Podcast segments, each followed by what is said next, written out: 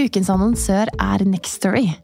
En abonnementstjeneste for lydbøker, der du får tilgang til ikke uendelig, men svært mange lydbøker på nett. Å ja. Et helt univers, rett og slett. For meg har det passet perfekt nå i vinterferien. For da har jeg hatt ekstra tid eh, til å gå lange turer og lytte til bøker. Og så har jo vi en date i kveld, eh, Ingvild.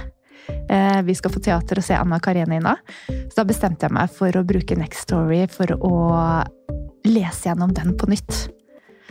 Og det er bare helt fantastisk roman fra 1870-tallets Russland som jeg anbefaler alle å utforske, fordi den er like aktuell nå i 2024 som eh, den gang den ble skrevet. Men det er jo så fint, da, ikke sant? Og uavhengig av om eh, man har vinterferie eller mer tid til overs, så har man også disse små lommene i hverdagen. Du kan ha boken på øret, og du kan brette tøy, eller du kan sette på en klesvask, en oppvask, whatever å dykke inn i dette universet. Og det er jo det som er så fint.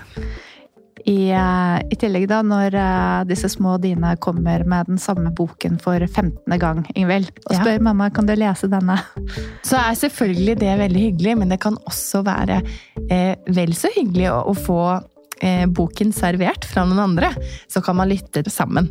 Eh, vi har hørt mye på Albert Aabergs lydbøkene i Nextory, for det er et univers som både min femåring og min toåring elsker. Ah, det er fantastisk. Man kan finne så mye flotte verdener og opplevelser i gode bøker. Og du som lytter til oss, kan nå få seks uker med fri tilgang til Nextory hvis du går inn på linken nextory.no engler. Så gå inn der. Bli med oss eh, og utforsk bokuniverset, og så håper jeg at du har like stor glede av det som vi har.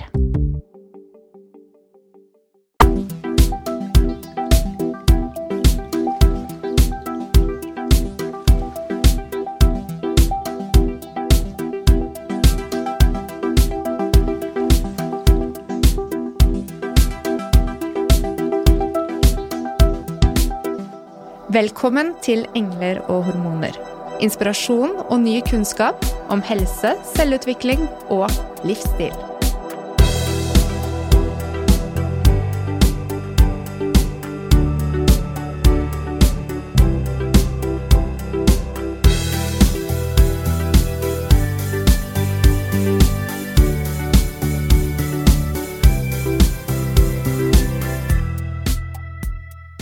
Husker du da du var barn og ble bedt om å holde deg innenfor linjene da du skulle fargelegge? Hvem har noen gang sagt at det er det som er det riktige å gjøre? Når jeg hører begrepet kreativ, tenker jeg på lærerne i min venninnegjeng som skaper inspirerende og ikke minst magiske rom med papir, saks og lim. De store oppfinnerne gjennom verdenshistorien, og på gründerne bak små og store selskaper. Fellesnevneren er at det hele startet med en idé og vi blir nysgjerrig og håper at du gjennom denne episoden vil bli med på en inspirasjonsguide til egen kreativ prosess. Både for å kunne øke mental kapasitet, lykke og helse, men også som en nøkkelfaktor i business og yrkesliv. Som kreativ inspirator har vi med oss Ida Jackson, forfatter, digitalt unikum og kvinnen bak min nieses favorittkarakter, Brillebjørn. Hjertelig velkommen i studio, Ida. Tusen, tusen takk. Og tusen takk for at Brillebjørn fikk være med. Det er veldig hyggelig. Og, og det er jo en bra sånn eh, holdt jeg på å si, bra spenn å åpne på. For her er liksom business, barnebok, voksenbok eh, Kreativiteten er med overalt. Ikke sant? Kan ikke du fortelle oss litt mer om din liksom, kreative prosess og reise, Ida? Det skal jeg.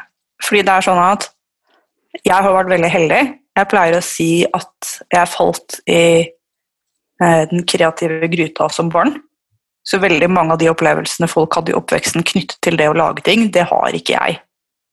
Eh, sånn Jf. det å bli fortalt hvordan holde seg innenfor strekene, eh, så tror jeg vel aldri at jeg har vært egentlig liksom møtt en strek jeg har måttet farge innenfor.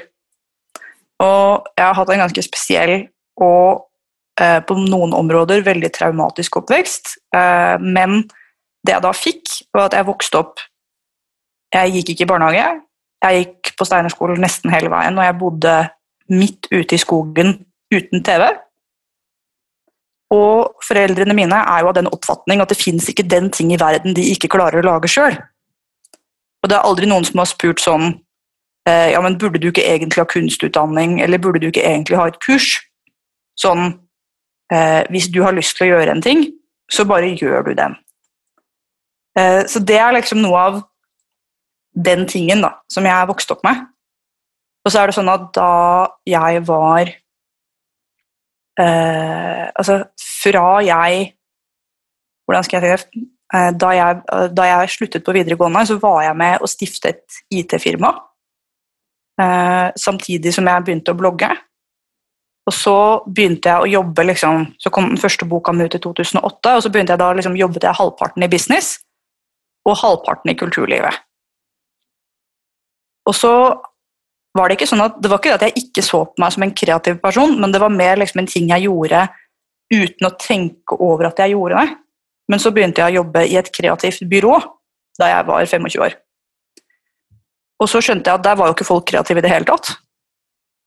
Det var den minst kreative arbeidsplassen jeg har vært på i hele mitt liv. Eh, og det vil jeg si er felles for de aller, aller fleste liksom, reklamebyråer og kreative byråer, er at det er veldig, veldig dårlig grobunn for kreativitet der. Og så tenkte jeg sånn Hm, så interessant.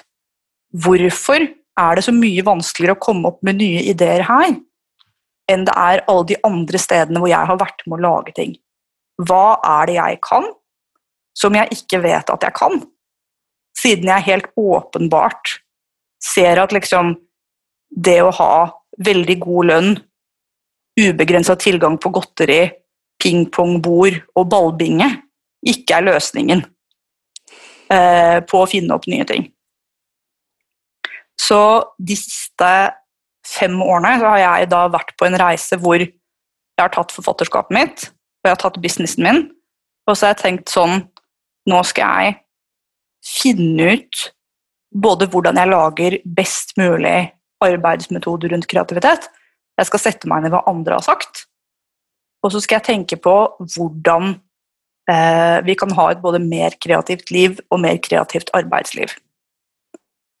Og hovedfellesnevneren eh, som jeg har kommet frem til, er at når jeg vokste opp i skogen uten TV, og ikke gikk i barnehage, så ble jo jeg verdensmester i kjedsomhet. Og i Store norske leksikon, som jeg jobbet i mange år, så gjorde vi utrolig mye kjedelig jobb. F.eks. å rydde i litteraturlister eh, og artikkelkategorier. Og det å skrive bok alene er også veldig kjedelig. Mens det å jobbe i et kreativt byrå, det er skikkelig, skikkelig morsomt og distraherende og intenst. Og du er hele tiden på artige digitale plattformer som Slack og Twitter, og tempo går hele tida. Som betyr at det er ikke tid til å kjede seg. Og jeg er helt sikker på at alle som hører på her, er gamle nok til at de kan huske å ha sittet i baksetet på en bil eller en buss uten å ha hatt med en Walkman eller en diskman eller en mobiltelefon og sett ut av vinduet og så kommet på noe, kjedet seg og kommet på noe de ikke tenkte å komme på. Så det høres veldig gøy ut når jeg kommer og snakker om kreativitet, men jeg snakker veldig, veldig mye om kjedsomhet. Det er en fantastisk eh, start, Ida, fordi det, det er jo mange som eh, jobber veldig intenst nettopp for å skape, og det, å se det på den måten, det det gjør jo at man lettere kan skaffe rom til å tørre å være kreativ i eget liv, selv om man ikke har alle disse rammene rundt seg. Eh, fordi alle er vel kreative? Ja, 100% Og jeg vil spørre deg, på det, Kjenner du et barn på fire år som ikke kan leke? Og, og med forbehold om at liksom, noen har store problemer og utfordringer og liksom, nevrologiske ting, og sånn, men som, som grunninnstilling så vil jeg si at det er noe alle barn kan. Hva er det som skjer på veien da, Ida? Altså, veldig mye av det som skjer på veien, er kulturen vår. Og jeg pleier å si at noe av det rareste med å være i næringslivet, er å forholde seg til mennesker hvis eneste jobb er å kjøpe inn ting andre har laget. Utdyp. Nei, altså eh, Det er fullt mulig å gå ut ungdomsskolen, begynne på videregående, ta høyere utdanning, og så ikke ha laget noe siden sløyden, sløyden i 10. klasse. Og det er fordi at vi, er en, vi lever i et samfunn hvor vi forbruker utrolig mye, og vi skaper veldig, veldig lite. Så vi er veldig langt fra produksjonsprosesser. Så for meg er det å være kreativ og enten lage noe som ikke var der fra før, eller å fikse noe som har gått i stykker, eller forbedre noe som fins. Så jeg vil si at du er kreativ når du finner en lur måte å fikse hull i buksa di på. Og at det er veldig sånn bra lavterskelkreativitet.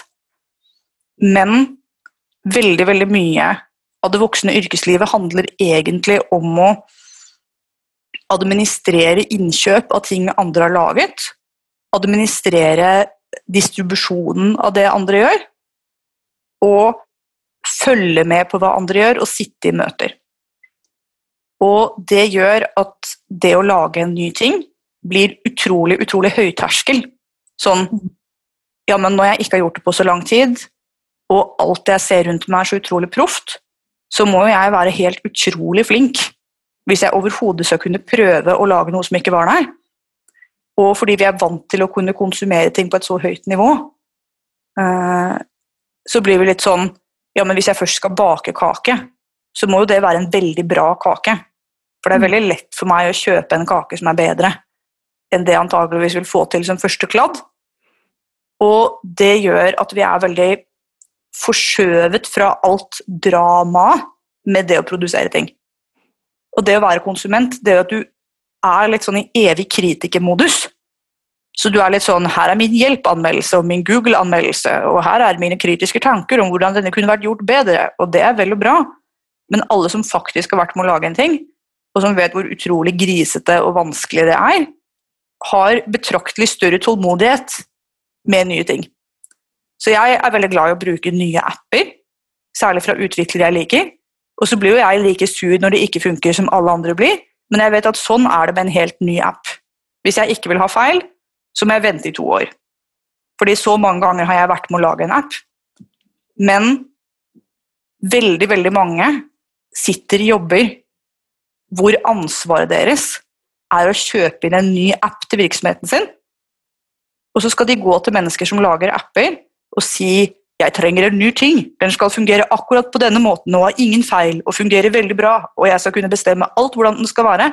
Jeg vet ingenting om hvordan den mentale, emosjonelle bølgedal opp ned eh, Egentlig da drama med produksjon. Og det gjør at vi både er veldig bortskjemt og har veldig skjøre egoer på en gang. Og som gjør at eh, så, så, når du spør hva skjer mellom fireåringen og 25-åringen, så er det rett og slett sånn at på godt og på vondt så er vi lever vi i en kultur hvor det er helt fint mulig å slutte å lage ting og slutte å finne opp ting og bare kritisere ting andre har laget. Fra du blir voksen og har egne penger, til du stryker med. Mens du går rundt og kritiserer, da, så, så ligger det da kanskje en uh, ulmende kreativitet uh, hos mange mennesker som aldri får lov til å blomstre. Uh, hva er det det gjør med oss som mennesker at vi ikke bruker kreativiteten vår? Hvordan påvirker det oss? Altså, jeg tror jo at veldig mye av av våre negative følelser og destruktiv egen indre dialog eh, kunne blitt til noe ute i verden. At det er noe med at liksom eh, At jeg tror at kreativ energi på avveie er veldig destruktivt. Og at det liksom fører til at du heller konsumerer mer. Enten det er mer liksom, internettinnhold eller mer Netflix eh, eller mer ostepop, liksom. Men jeg tror også at Eh, altså eh, folk er, Jeg kjenner mange som er veldig redde for kritikk, og jeg tenkte jeg skulle si altså, hvis, min, hvis mitt første bud om kreativitet er å finne noen arenaer til å kjede seg. Ikke sant? Mm -hmm. når folk sier til meg jeg står fast i dette prosjektet, jeg aner ikke hva jeg skal gjøre, så sier jeg det er kjempelett, du setter mobilen i flight mode, og så tar du T-banen til Frognerseteren med mobilen i sekken. Opp og ned. Og så sier de oi, det har jeg ikke egentlig så veldig lyst til, fordi da kommer det masse vanskelige tanker og frustrasjon og stæsj. Og så må jeg si at ja, men, men det er den nødvendige friksjonen for at det skal komme en idé. Så må du finne et eller annet sted å kjede deg. Eh, og, og det fine med å kjede seg, det er veldig lett å kjede seg på jobb. Og det er veldig lett å kjede seg sammen med små barn på trilletur. Eh, og det er veldig lett å kjede seg hjemme alene. Så det er mange anledninger til å kjede seg.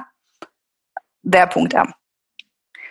Punkt to er å hente din kreative energi hjem igjen fra rare steder hvor du har putta den. Mm. Og øh, jeg har jo jobbet mye med masse forskjellige medievitere. Ida Ålen, min bestevenn, har skrevet veldig mye bra om dynamikker i sosiale medier. Eh, og hun pleier å si at for hver hundrede fan eller følger bloggen eller Instagram-kontoen eller podkasten din får, så får den også en antifølger eller en antifan. Og en antifan er ikke det samme som en person som skriver kjipe kommentarer til alle som nevner Trump. En antifan er en person som leser alle innleggerne fra, en blogger, eller følger med på alt en bestemt influenser gjør på Instagram, og irriterer seg over hvert innlegg.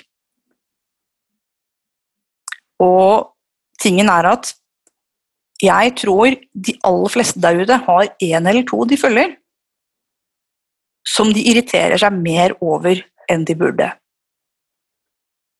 Og jeg pleier å si at hvis du tar deg selv i å være antifan og tenker sånn ja, hun Sara Emilie, ja, 200 000 følgere på Instagram, så legger hun ut bilder av barna sine.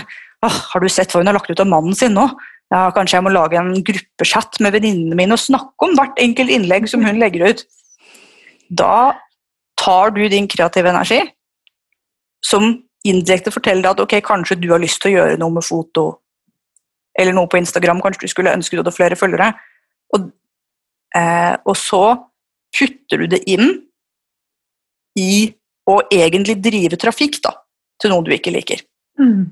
Og dette er ikke for å si at det ikke er lov å kritisere folk for å si dumme ting eller være uenig med folk, men altså Jeg setter ikke pris på Donald Trump, men jeg har ikke brukt tid på å lese hver eneste tweet fra Donald Trump og retweete den med kommentarer om hvor dusten var. Eh, som jo en god del folk har gjort, og dermed holdt i live trafikken hans. Mm. Og det er jo også sånn Så hvis du aktivt konsumerer ting som irriterer deg veldig, så sier jeg at ok, det er kreativ energi som du kan hente hjem igjen. Ikke sant? Dette er tid du bruker på noe som har ingen funksjon, og som du koser deg en god del med. Eh, så når folk sier til meg at jeg har ikke tid, så sier jeg men har du én sånn, så kan du hente den.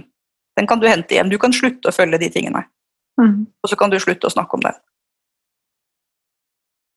Mens du sitter på Kvinneguiden og snakker om Caroline Berg Eriksen for på liksom sjuende året, så vet du hvem jeg Jeg mener deg.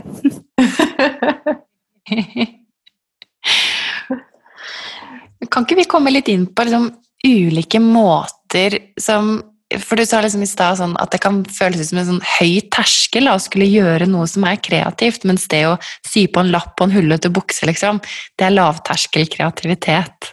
Hvordan er det vi kan hente liksom, den kreativiteten med hjem igjen? Um, hva er det vi kan gjøre? Hvordan kan vi få tilgang til vår egen kreativitet og starte på egen prosess?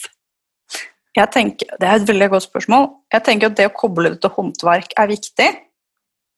Og husk at de fleste lærer ting Hvis du skulle gått i lære som snekker, f.eks., så ville du begynt med å rydde, med å reparere og med å herme.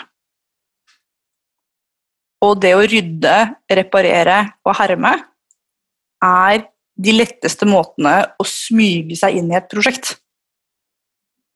Så hvis du f.eks. jobber i en eller annen informasjonsavdeling, da, og jobben din har en stor nettside, så er jeg helt sikker på at det fins 50 rotete ting på den nettsiden som ingen har hatt tid eller råd til å fikse eller rydde. Så hvis du bare tenker at ok, nå skal jeg begynne å bli bra nok på dette til å kunne ta oppvasken, så kan du plutselig sitte og lede et stort designprosjekt om to år. For da har du lært deg liksom, da har du bare sneket deg gjennom å gjøre en konkret ting og gjøre ting litt bedre hele tiden, så har du sneket deg inn i et i hermetegn da, veldig kreativt yrke. Så eh, den ene biten er liksom det å, å begynne i ryddinga. Den andre biten tenker jeg på at dette handler om å Altså for meg så handler det veldig mye om å knyttes seg til håndverk og prosess uten å være altfor bekymret for sluttresultatet. Vil du forklare litt mer rundt det? For jeg tenker at det er jo en organisk prosess som altså, Jeg tror jeg skjønner hva du mener, men vil du fortelle litt mer? yes, for det, litt, det høres litt abstrakt ut, men det er jo sånn at ta, altså det er jo bøker jeg primært skriver. Og jeg tror jeg snakker med noen som har lyst til å skrive bok typ hver dag.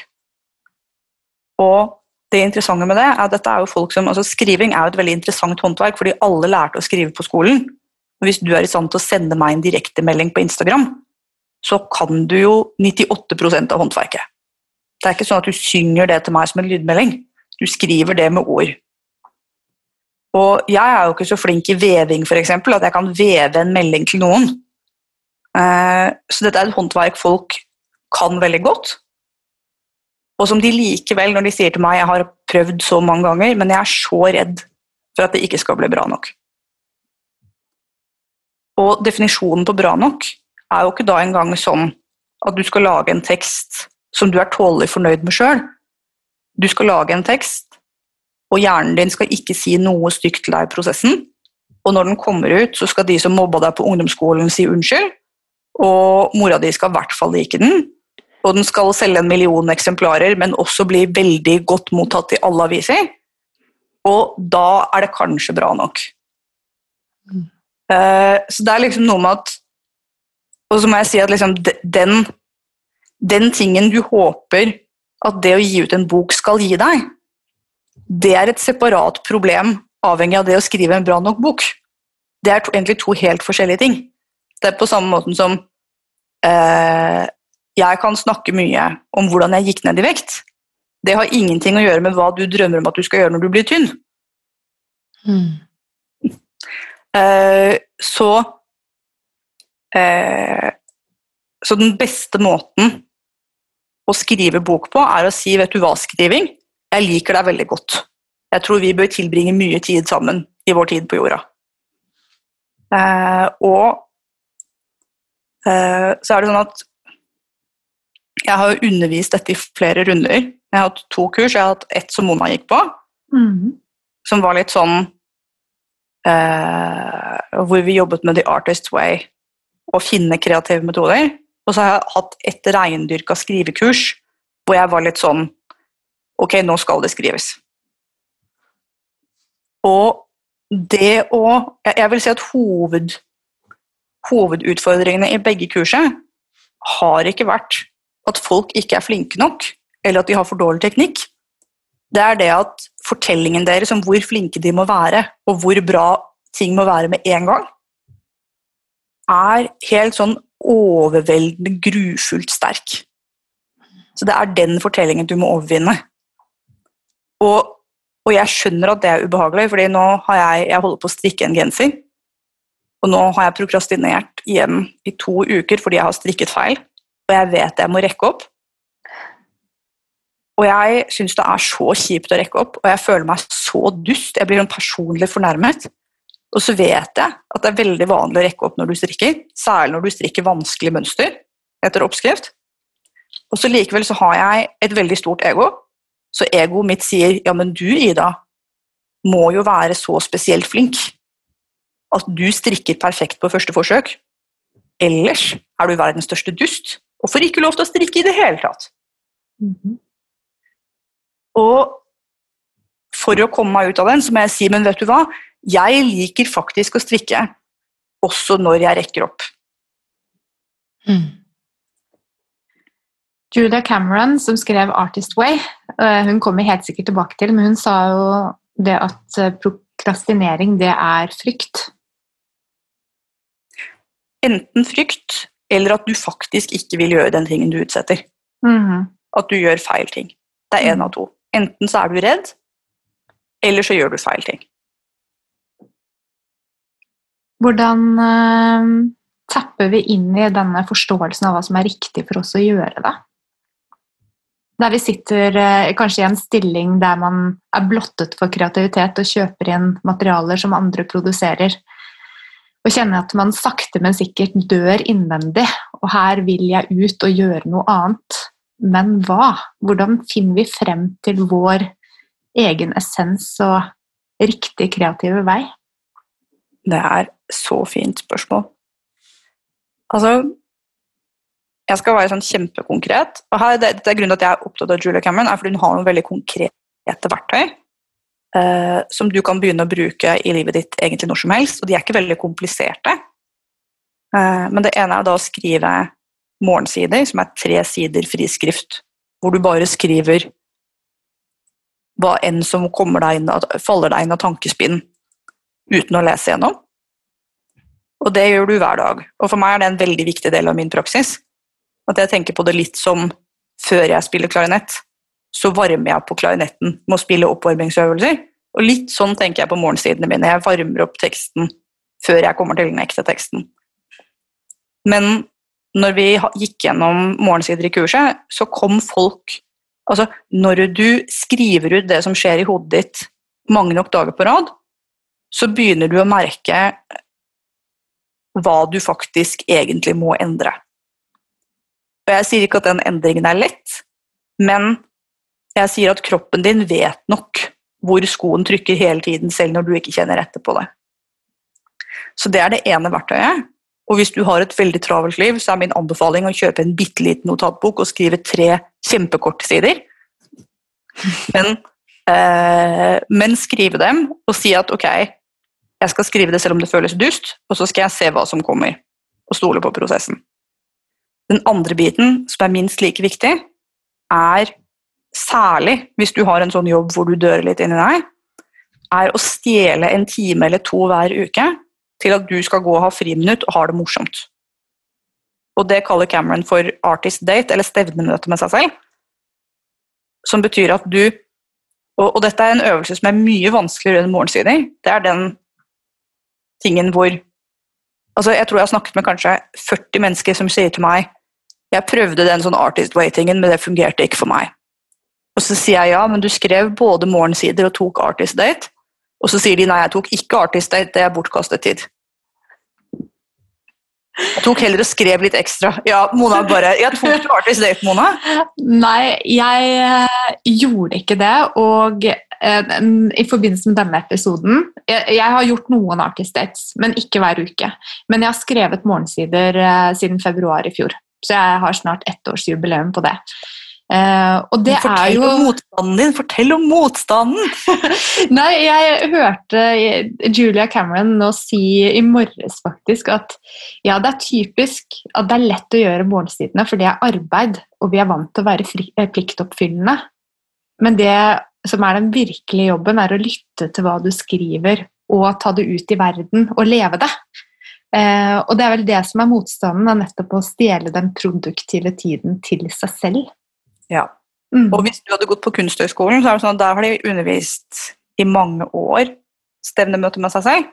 Mm. Men da kaller de det for, fordi på Kunsthøgskolen begynner mange flinke jenter. skjønner du? Og da kaller man det for at du er nødt til å ta rampetime hver uke. Hva er det du gjør når du tar eh, rampetime da, Ida?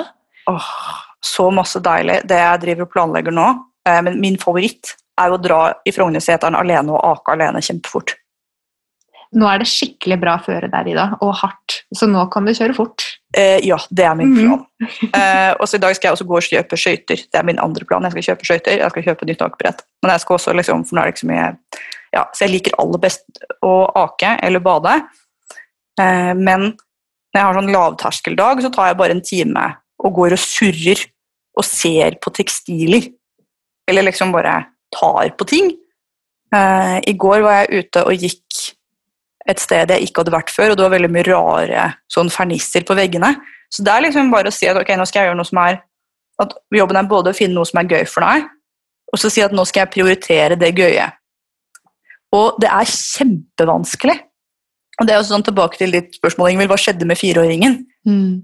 Ikke sant? Altså, når du har en så sterk fortelling inni deg, som Mona faktisk har, da, at, sånn, at du kan ikke få lov til å være for lat eller for morsom eller for leken, ikke sant? Sånn, eh, og hva det gjør med oss også. Hvis du tenker liksom, hvis du på en måte sier nå slutter vi i skolen å ha friminutt, eh, så vil jo folk tenke at det er ikke så bra for barn. Men voksne skal ikke ha friminutt. Mm. Så, så det er liksom Det er en viktig bit av det. Men tilbake til det du sa når man føler at man sitter fast i jobber, hvor man dør litt inni seg. For noe av det vanskeligste med dette her er jo på en måte å, å prøve å endre organisasjonskulturer eh, som er veldig slitsomme.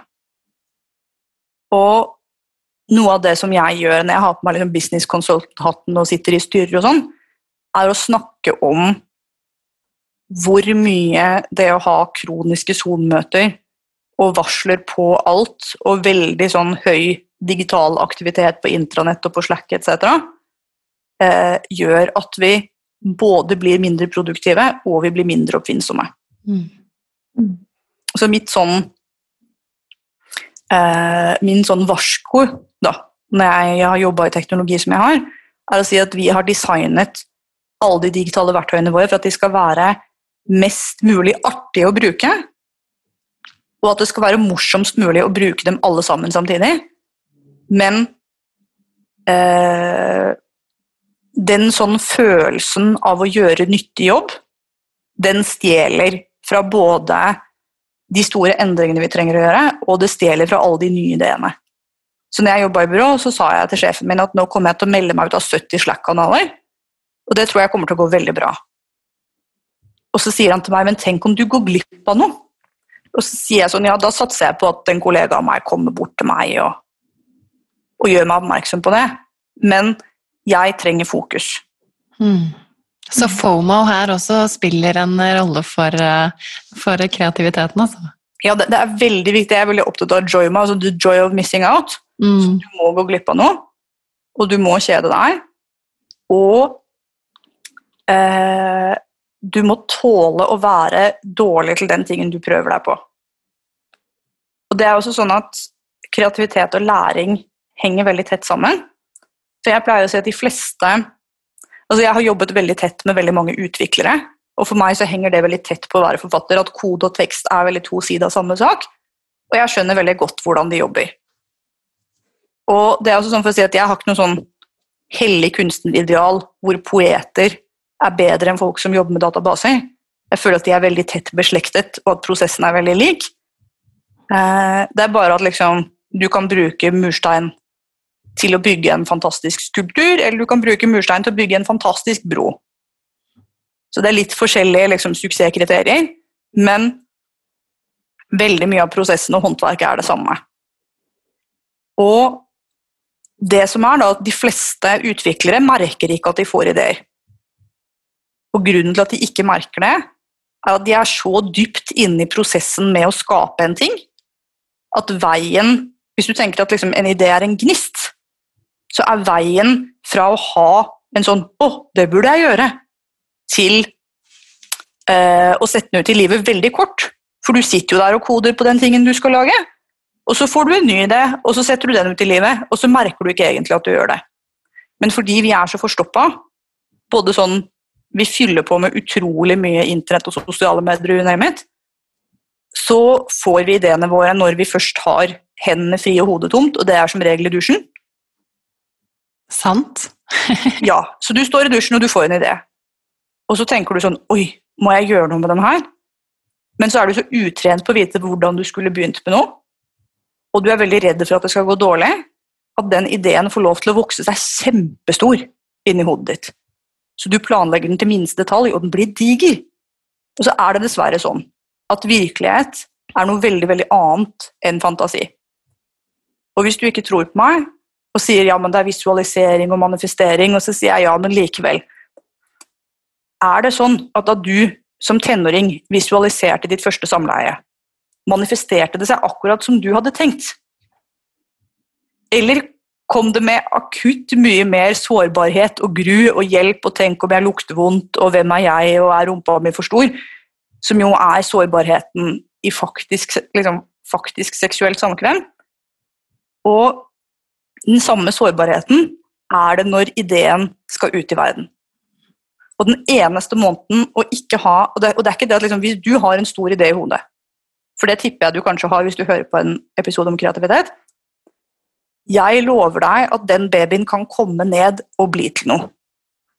Men hvis det er sånn at du har en idé om noe du skal skrive eller filme eller tegne, og det er ti år siden du bygde opp noe praktisk rundt skriving, filming eller tegning, så er det dessverre sånn at du kommer til å ha en litt hard fødsel. Av samme grunn som at når Katrine, som er liksom verdensmester i å sitte i sånn squat-posisjon, skal føde barn nummer fire, så har hun litt bedre muskler og litt mykere hofter eh, enn det du har hatt hvis du bare har gått på høyhælte sko hver dag. Mm. eh, og, og, og, dette er liksom sånn Så jeg sier ikke gi opp din store idé, men vit at det er veldig mye lettere når jeg skriver hver dag. Så vet jeg at en av tingene jeg slipper, er det store dramaet knyttet til ideen som vil ned. Fordi da er jeg alltid liksom eh, Da er jeg alltid litt i modus, og jeg er alltid varm, og det kommer sånn ikke kjempelett, men jeg har liksom jeg har et system på plass. Så veldig mye av det jeg underviser folk, er å si at ok, eh, hvis du drømmer om å skrive en musikal, så eh, skal jeg ikke si at det får du ikke lov til, eller det er en kjempedårlig idé, men jeg tror at det er veldig, veldig lurt å liksom legge inn fem minutter klimpring på piano, fem minutter skriving av, dikting av tullesang, og bygge gradvis komme i gang med litt lavere terskel, og ikke forventninger til at resultatet skal være perfekt med en gang? Noen av oss blir jo veldig motivert av å se for oss å ha den store forventningen. Så hvis mm. du er en av dem, altså Jeg er jo definitivt sånn som på en måte når jeg altså, Jeg syns det er så kjedelig å poste til Instagram at hvis ikke jeg har et liksom galskapens mål for hva jeg skal med Instagrammen min, så er ikke det en praksis jeg opprettholder. Eh, men her må du gå i deg sjøl og kjenne liksom at hvis, hvis ting blir vanskelig, hvis du har for stort press på deg, så er det mye, mye bedre eh, å si at vet du hva, jeg skal skrive et kort dikt hver gang babyen min dupper. Og så skal jeg ikke bruke mental kapasitet på å tenke hva det skal bli.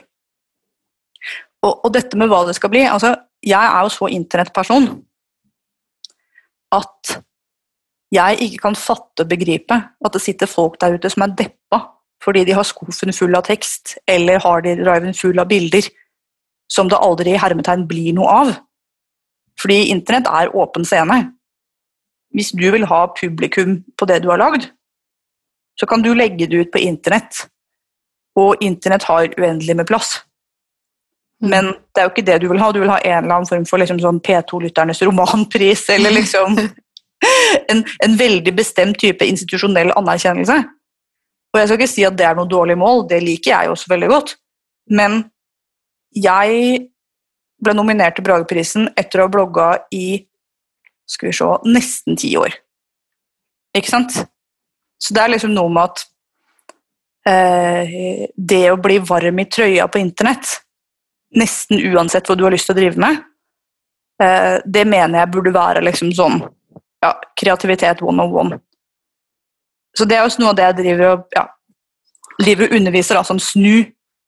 Slutt å konsumere og begynne å produsere. Mm. Ja, for der, du har, I det kurset som jeg tok, eh, som var eh, veldig øyeåpnende, vil jeg si, eh, så la du også inn en detox, eller rett og slett forbud mot å konsumere medier. Eh, og det, det er jo noe som eh, mange tar en sånn so sosial medie-detox, men det å ikke se på TV, ikke lese bøker, altså virkelig stenge av for alle inntrykk, er jo en interessant opplevelse. Men tilbake til eh, Brageprisen. Du fikk jo ikke det på bloggen din. Eh, det var jo for boken 'Morfar, Hitler og jeg'. Ja. Og så skriver du barnebøker. Veldig ulike typer bøker. Eh, litt nysgjerrig er jeg på den prosessen med å skape en barnebok kontra å skape et voksendokument med så mye referanser og leting etter informasjon som, som du hadde i eh, 'Morfar, Hitler og jeg'. Det er et veldig morsomt spørsmål. Jeg- må si at jeg har Nå har lagd en sånn prøv skri, nei, Ikke prøv, men skriv din egen barnebokutfordring, som jeg tror bare kommer til å ligge på internett for alltid, som du kan gå og melde deg på eh, når enn du hører det her. Vi kan lenke i shownotes, så kan du prøve. fordi jeg mener jo veldig på ekte at alle, uansett hva de har lyst til å skrive, burde prøve seg på barnebok.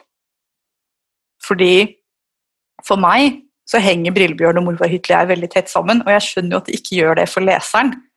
Fordi det ene er liksom hva da, 350 sider om holocaust, og det andre er eh, 16 sider eh, om en bjørn som ikke vil hjem fra barnehagen. Men eh, Brillebjørn er de viktigste bøkene jeg har skrevet.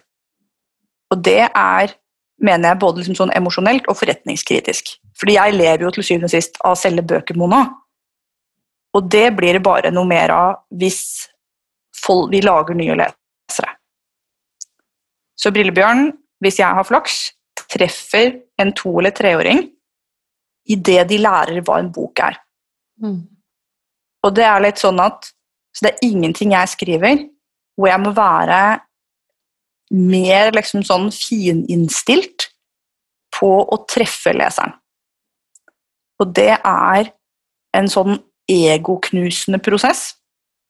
Fordi eh, når du ser morfar Hitler og jeg stå i en hylle, og det er sånn Bragepris-nominert klistremerke på, så vet du antageligvis nok om norsk, nok kultur, norsk kulturliv. Kanskje det er en sitat fra en anmelder, terningkast fem, bla, bla, bla. ikke sant? Det er mange knagger som sier at dette er en viktig bok som du burde sette pris på. Men barn vet ikke at noen skriver bøker når de er så små som to år. De kunne grodd på trær, liksom. Så jeg har ingen autoritet. Og eh, det, det er liksom det er det konkrete produktet som må funke. For alle som har prøvd å lese høyt en bok for barn som ungene ikke liker, vet at du leser ikke den boka veldig mange ganger hvis den ikke slår an. Du tvinger ikke en bok på barnet ditt, du ser etter hva som slår an, og så er det den du leser. Og så leser du den så mange ganger at du som voksen høytlesende blir veldig lei, men du gjør det likevel fordi du er en god forelder, og liksom det er den boken ungen din liker. Så det å skrive for barn, det er å være så empatisk du overhodet kan. Og virkelig liksom på en måte mane leseren frem og teste på leseren på ekte. Så med Brillebjørn-bøkene så har jeg testet utrolig mye på ekte barn. Og det har jeg også gjort med Lena-bøkene, og det er smertefullt. Fordi de ler på steder du ikke forventer, de blir skremt på steder du ikke forventer, de begynner å kjede seg på steder du ikke forventer, de blir lei seg på steder du ikke forventer. Du har ingen mulighet til å vite hva som er skummelt eller gøy, før du har prøvd. Og eh, Så jeg er selvfølgelig egoistisk investert i Brillebjørn, fordi jeg vil at det skal komme en stor ny generasjon med nye lesere, og at jeg skal kunne være forfatter til jeg blir 100 år. Men eh, i den prosessen med å gi opp hva jeg hadde lyst til, og si nå skal jeg virkelig lage noe som slår han hos barna til Ragnhild, da, som er veldig mye av de som sto modell for de første Bellbjørn-bøkene. Det er særlig Ava som var den første Brillebjørnen, som på en måte er barn til en, en vi kjenner.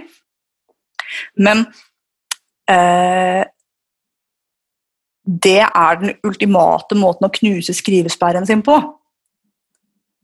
Fordi hovedgrunnen til at folk gir opp midtveis i førsteutkastet sitt, er at de tenker nei, dette blir ikke bra nok, og ingen kommer til å like det, og jeg kommer ikke til å få den emosjonelle bekreftelsen jeg vil ha. Og så glemmer de at all laging av nye ting, all kreativitet, er sjenerøs.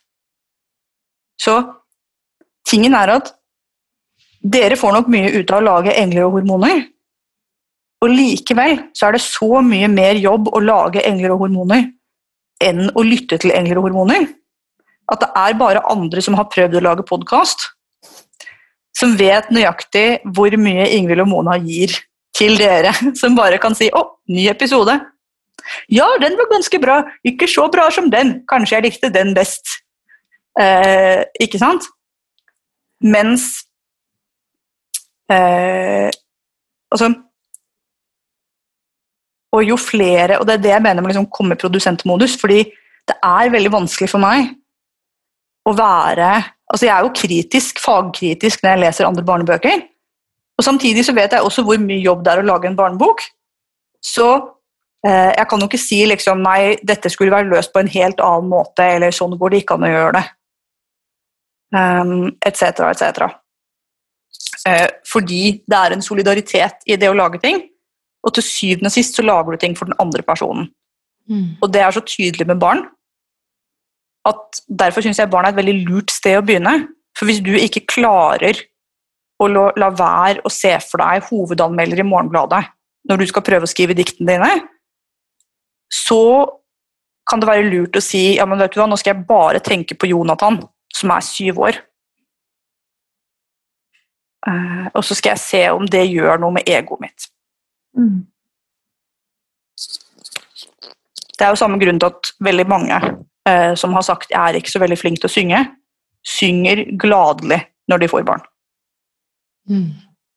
Å, det var fin uh, sammenligning. Og så syns jeg også den Det bildet du skapte av å lese en bok om og om igjen til det tidspunkt der barna tar deg hvis du hopper over en setning fordi du er litt sliten. Ja. ja, det viser også litt hvorfor disse artist-datene, altså stevnemøtene med seg selv, eh, skal være alene. For man kan jo leke med barn, men det blir jo, det blir jo ikke på dine premisser. Og, og, det er også et viktig poeng, at, at, man skal gjøre noe for seg selv. Det, det, er det, er vanskelig å forstå hvorfor det er så vanskelig å gjennomføre. Mm. Men jeg tror det er både mange århundrer med liksom kjønn og sosialisering og protestantisme og ideologi og kapitalisme i dette her. Selvfølgelig er vi alle innstilt på at det beste er at vi skal være 100 produktive og vidunderlige hele tiden.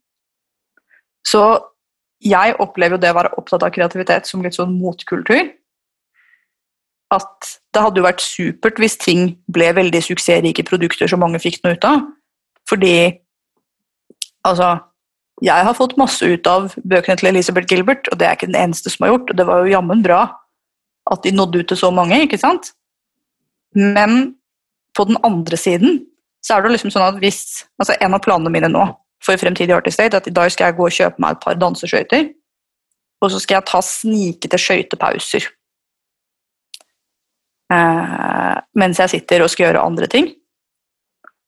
Og jeg tror det kommer til å ha liksom større og bedre ringvirkninger på livet mitt enn det å gå i terapi eller å spise vitaminer.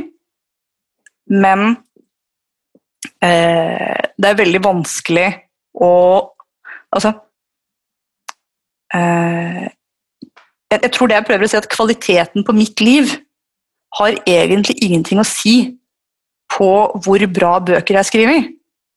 Men hvis det skal være lett og gøy for meg å lage mange ting, så er det jo veldig lurt hvis jeg har et bra liv.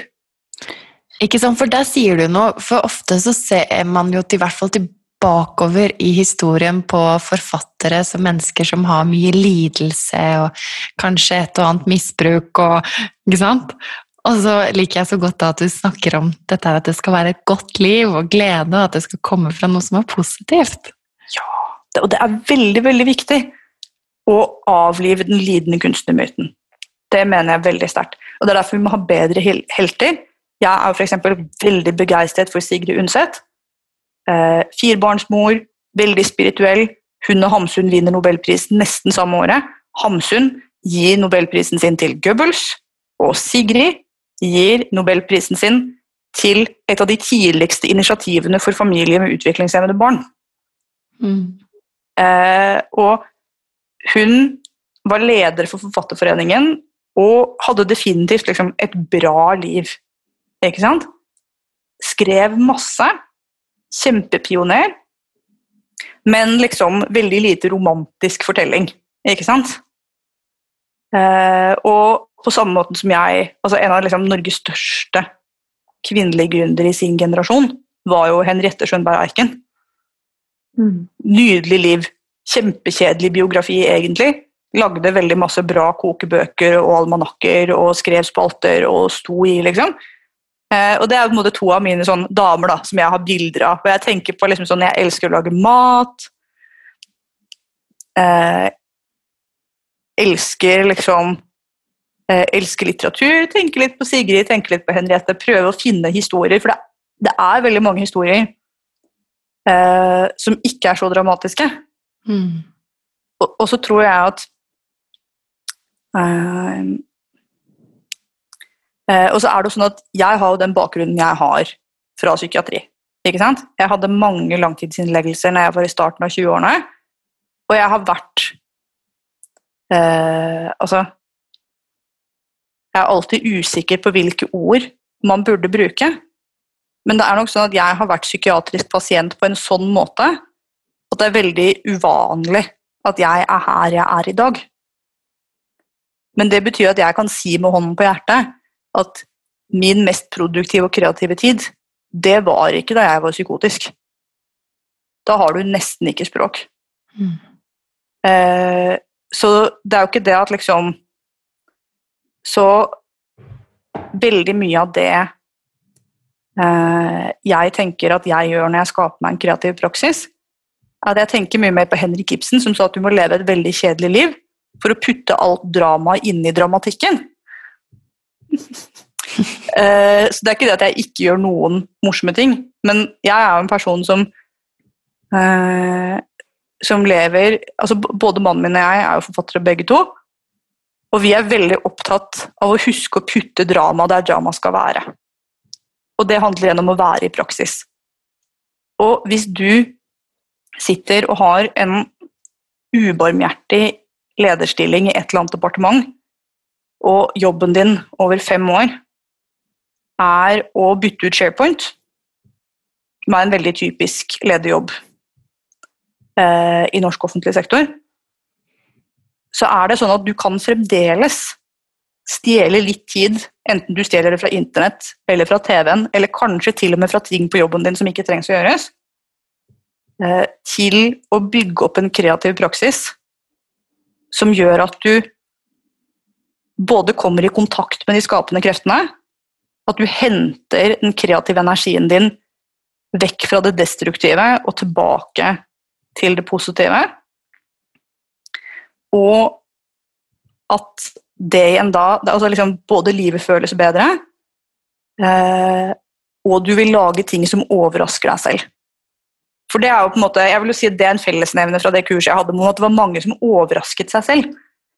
Enten du, altså I, i veldig mange av de sånn, bøkene som har, tar for seg altså Jeg skal ha et nytt kurs nå, som er en blanding av skrivekurs og kreativ teknikkurs.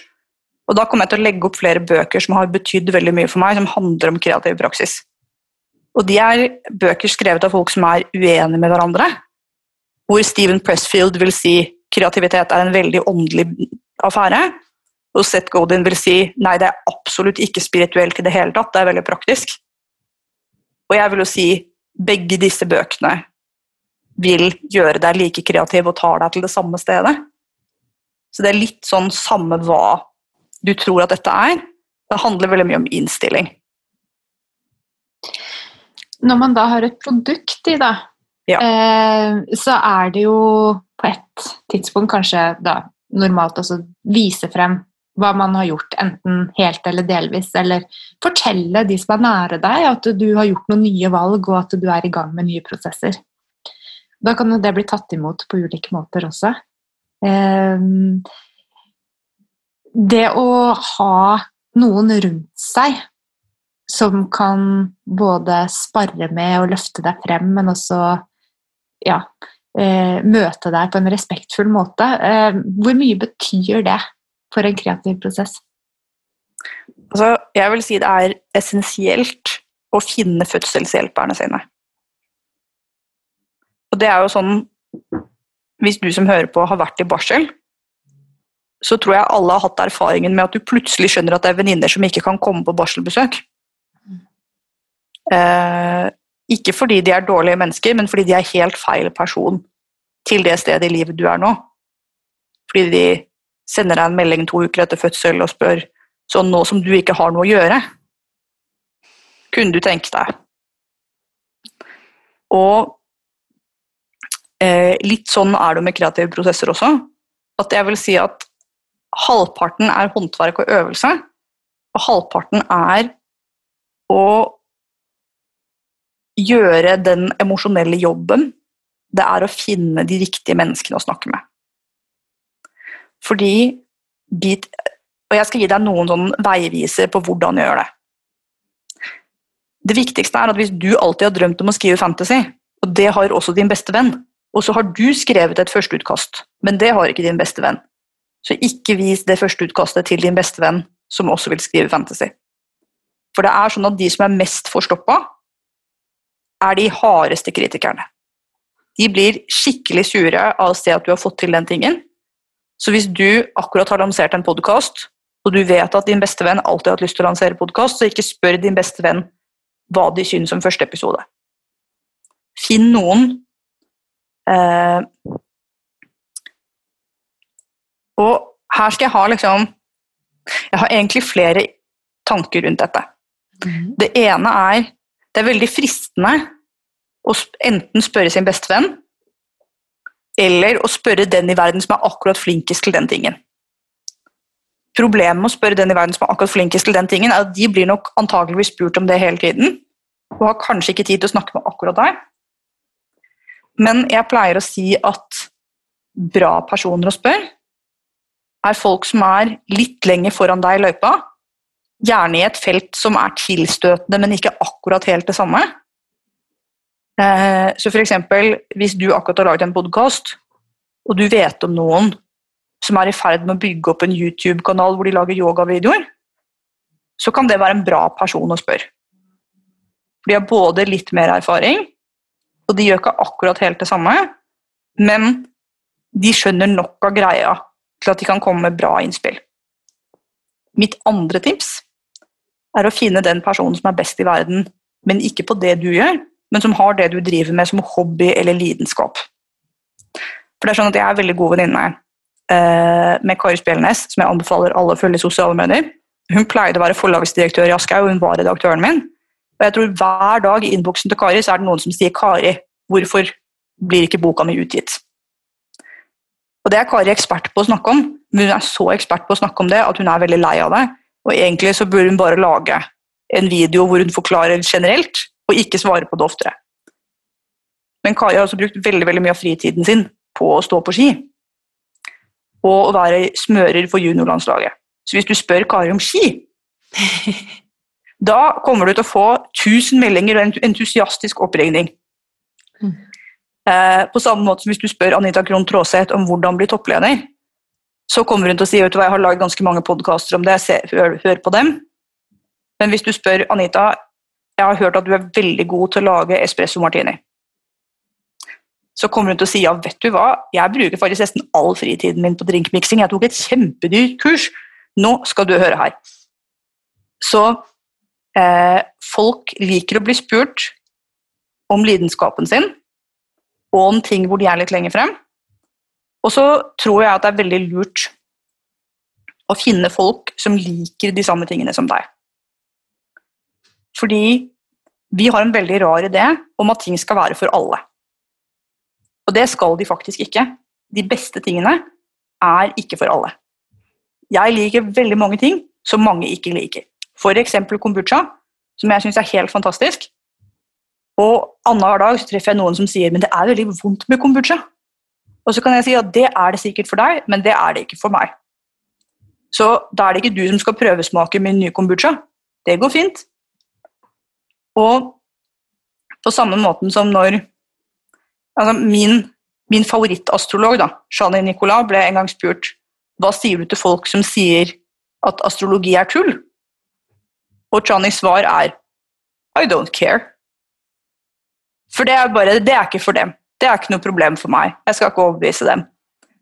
Så det å lete etter folk som liker de samme tingene som deg, og folk som er litt lenger fremme i løypa, og folk som har ting som hobby, er en bra måte å liksom padde så du får de riktige menneskene i ditt liv. Og jeg er jo superheldig fordi jeg bor og er gift med den forfatteren i Norge som jeg syns definitivt er best. Og vi ble sammen fordi vi leste hverandres tekster. Uh, yes, jeg synes det er, også alle må lese, jeg er da gift med Jan Grue, for dere som da ikke vet alle må lese Jan sine bøker.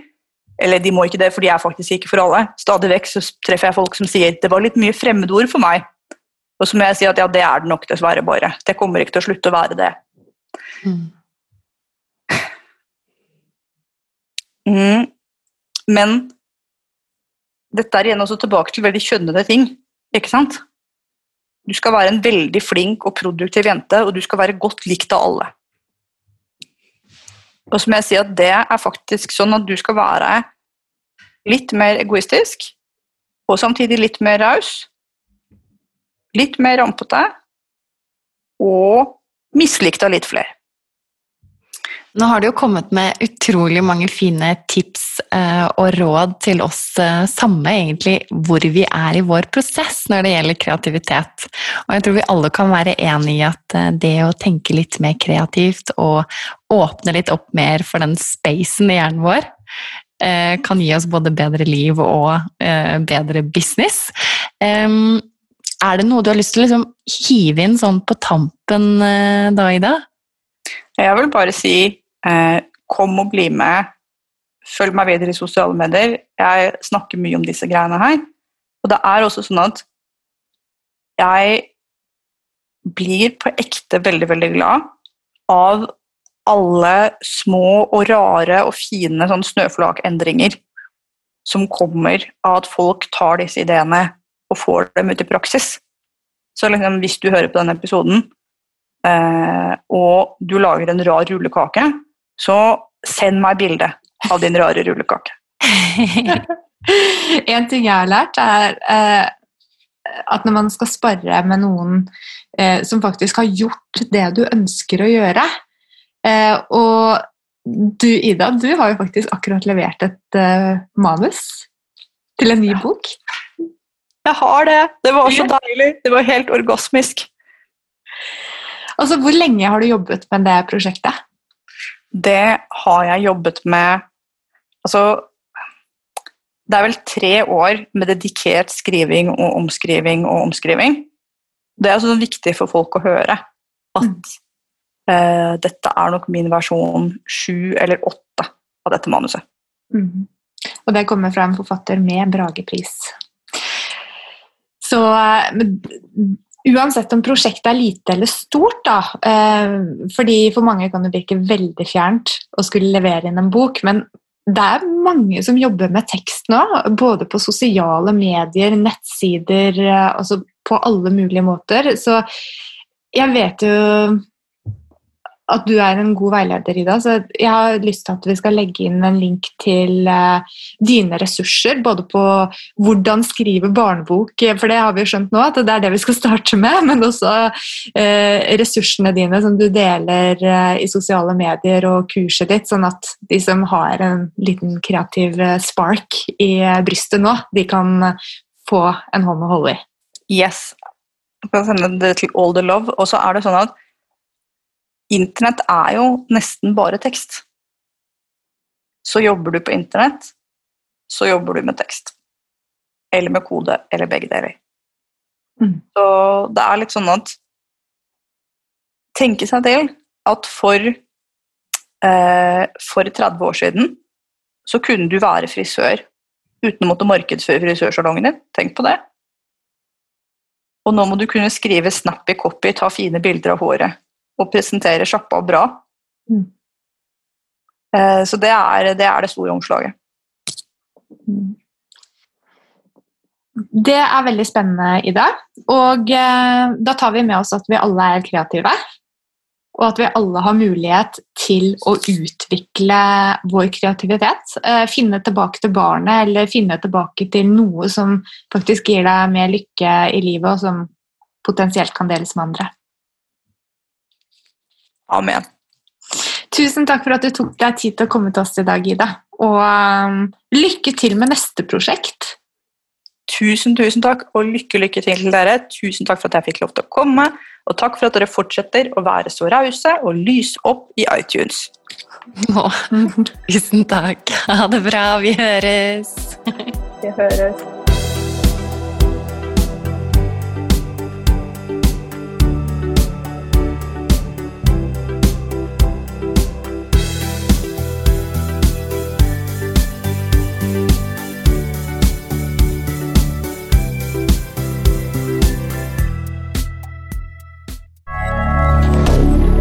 Moderne media.